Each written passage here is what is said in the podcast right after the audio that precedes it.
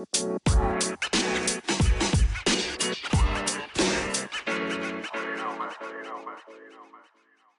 lieve mensen, welkom bij de Back to Blue podcast.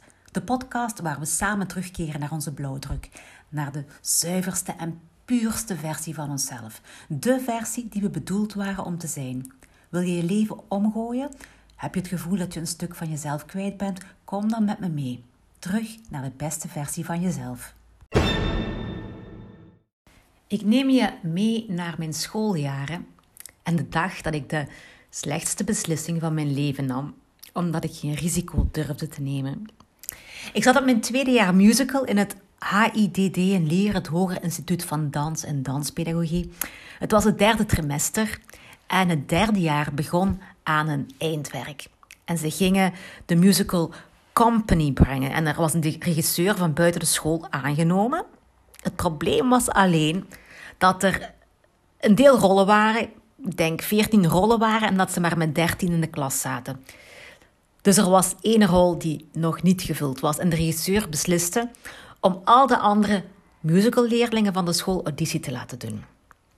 Dus zowel het eerste als het tweede jaar moest auditie doen. En ook gewoon omdat de directeur vond dat het goed is om veel audities te doen en dat proces te wennen en zo. Dus nu, het is lang geleden. Ik praat hier van het jaar 1996, dus dat is 25 jaar geleden.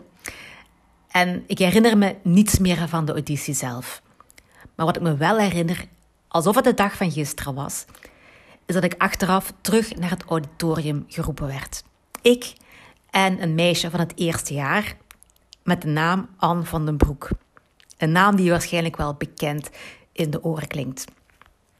Dus 25 jaar geleden stapte ik samen met Anne dat auditorium binnen en daar stonden we dan voor die regisseur. En ik ben altijd al een stresskip geweest, maar toen deed ik het bijna in mijn broek. Als ik maar niks moet zingen, was het enige wat ik kon bedenken, want mijn keel zat gewoon helemaal dichtgesnoerd van de angst. Nu, de regisseur zei tegen ons dat hij zowel mij als Anne voor de rol zag zitten. Dus uit een twintigtal, vijfentwintigtal leerlingen waren wij met twee gekozen. En ik kon mijn oren niet geloven. Hè. Ik zat daar, kleine Leen, in een auditorium met een echte regisseur tegenover mij. En dan de getalenteerde Anne naast me met, met zo'n mooie stem. En ik kon uiteindelijk eindigen op een podium samen met de derdejaars. Ik als enige van de klas en de derdejaars, daar keek, keek ik naar op, want die waren heel goed. Nu, om je eerst een beter beeld van de situatie te schetsen. Het ging toen niet zo goed bij mij dat jaar. Nu, het eerste jaar was ik met de hakken over de sloot geslaagd.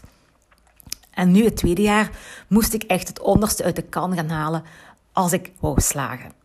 En ik had al van veel leerkrachten begrepen dat het voor mij erop of more likely uh, ronder ging zijn. Dus ik had een grote achterstand op plastiek palet.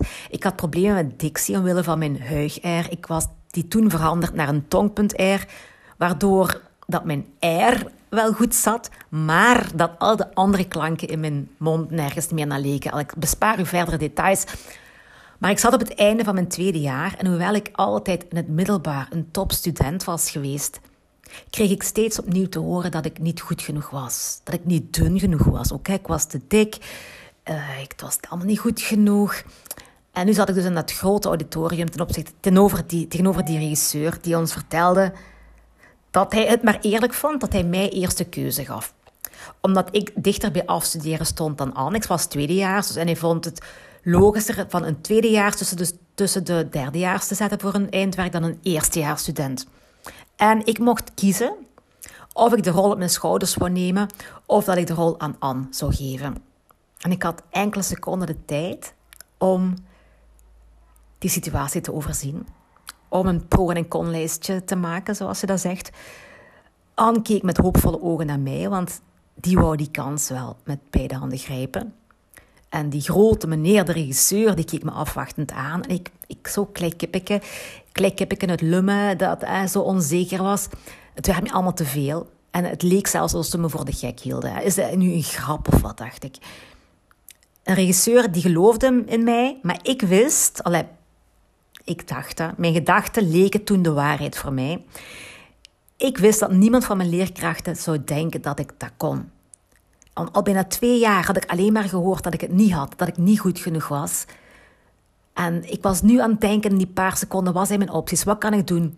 Als ik nu in die productie ga staan en de eindwerk van die derde jaar wordt een complete flop omdat ik te verknoei, dan zou ik, dat, zou ik nooit slagen voor mijn tweede jaar. Dan was het gedaan. Ik wou mijn nek niet uitsteken. Ik was sowieso al niet de populairste van de klas. Ik was niet knap, ik was nogal klein, ik was een beetje te dik. Iedereen keek op mij neer en nu werd ik uitgekozen voor die rol. En ik had het gevoel dat mijn medeleerlingen een ogen uitsteken, dat dat niet echt in mijn voordeel zou uitdraaien. Dus ik twijfelde. En ik voelde dat Anne niet twijfelde. En in mijn ogen was Anne veel beter. Die was een veel betere zangeres dan ik. En ik zei tegen de regisseur: geef die rol maar aan Anne. Ik heb andere zaken om me op te concentreren voor het einde van het schooljaar. En de rol ging dus naar Anne. Ik had die weggegeven. Ik durfde het risico niet nemen. En guess what? Einde van het tweede jaar en ik was gebuist. Er waren geen subsidies meer voor de musicalafdeling. Die werd afgeschaft. En dan ben ik gestopt en ik ben communicatie gaan studeren.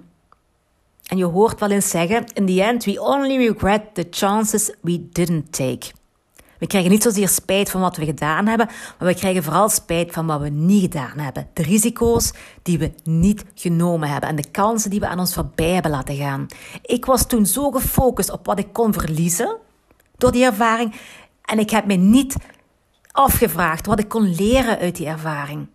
We bekijken aandachtig de prijs die we moeten betalen bij het nemen van de risico dat slecht zou uitdraaien. wat als het slecht uitdraait, wat kost het mij dan? Maar we denken niet aan de prijs die we moeten betalen om het risico niet te nemen.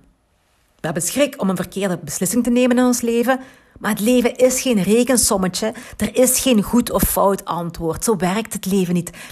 Heb ik spijt van, van mijn beslissing toen? Ja, als ik geweten had wat ik nu weet, was ik wel voor die opportuniteit gegaan.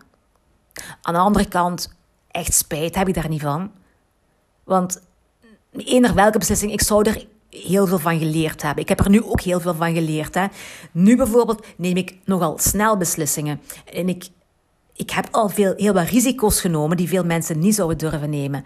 Hè, zoals alleen voor een kind gaan. En alleen voor nog een tweede kind gaan. De beste beslissing uiteindelijk die ik ooit heb kunnen nemen. Hè. En ik had die misschien niet eens durven nemen als ik niet had meegemaakt wat ik op, op mijn hoe oud was ik in 96, op mijn twintigste had gemaakt in het HIDD in Lier. Dus wat ik nu wil zeggen is, stop nu met het leven te bekijken als een optelsom waar maar één juist antwoord op is. Alle antwoorden zijn juist. Er is geen fout antwoord. Alle antwoorden zijn juist, maar op een andere manier. En op die manier het leven bekijken betekent ook dat je nooit spijt kunt hebben van iets. Nu, ons leven zit vol met opportuniteiten, maar als je het op veilig blijft spelen, dan sluit je de deuren voor nieuwe ervaringen. En we zijn net naar hier op aarde gekomen om ervaringen op te doen. We zijn daarvoor gekomen. Ja? En als je die ervaringen blijft ontwijken, guess what? Dan gooit het universum u wel een obstakel op uw weg dat u doet stoppen, dat u doet stilstaan, dat u doet nadenken over het leven en dat u verder doet kijken dan uw neus lang is. Dus doe gewoon die oogkleppen af en stop met angstig te zijn, want angst is de slechte raadgever, slechtste raadgever. En toch hebben wij vooral schrik om te falen. Die angst om niet goed genoeg te zijn, dat verlamt ons, dat verpest het voor ons, dit hele avontuur. Want laat ons eerlijk zijn, de meeste beslissingen die we dagelijks nemen zijn geen beslissingen die gaan over leven en dood. Hm? Dus neem een risico. Wat kan het kwaad? Je leert dan ofwel dat je op het juiste pad bent, ofwel dat je op het verkeerde pad bent. Het universum gaat u wel bijsturen. En als je op het verkeerde pad zit, oké. Dat betekent niet dat je niet goed genoeg bent. Dat betekent gewoon dat je op de verkeerde kant aan het oplopen bent met al uw talenten. Stel je voor, ze wachten in Rome op u met al uw specifieke talenten. Je zit gemaakt op de wereld om naar Rome te gaan met uw talenten. Maar jij vertrekt per ongeluk richting Helsinki. En kijk goed dan dat het universum u zegt dat je verkeerd aan het gaan bent. Hoe belangrijk zou het zijn om u helemaal naar Helsinki te laten lopen, om dan te zeggen: Oh mevrouw, op uw ticket staat, op uw ticket staat bestemming Rome. Hm? Nu, wij interpreteren dat als falen. Terwijl dat, dat helemaal geen falen is. Er is geen winnaar en er is geen verliezer in het spel dat we spelen. Misschien moest je ergens nog eventjes een lesje meepikken op je weg richting Helsinki. Maar was die weg niet, moest die niet zo ver gaan? Er zijn enkel ervaringen hier in het leven. En die ervaringen die we hier opdoen, die maken van ons een meer complete ziel. En daarvoor zijn we juist gekomen. Laat dat maar even verteren.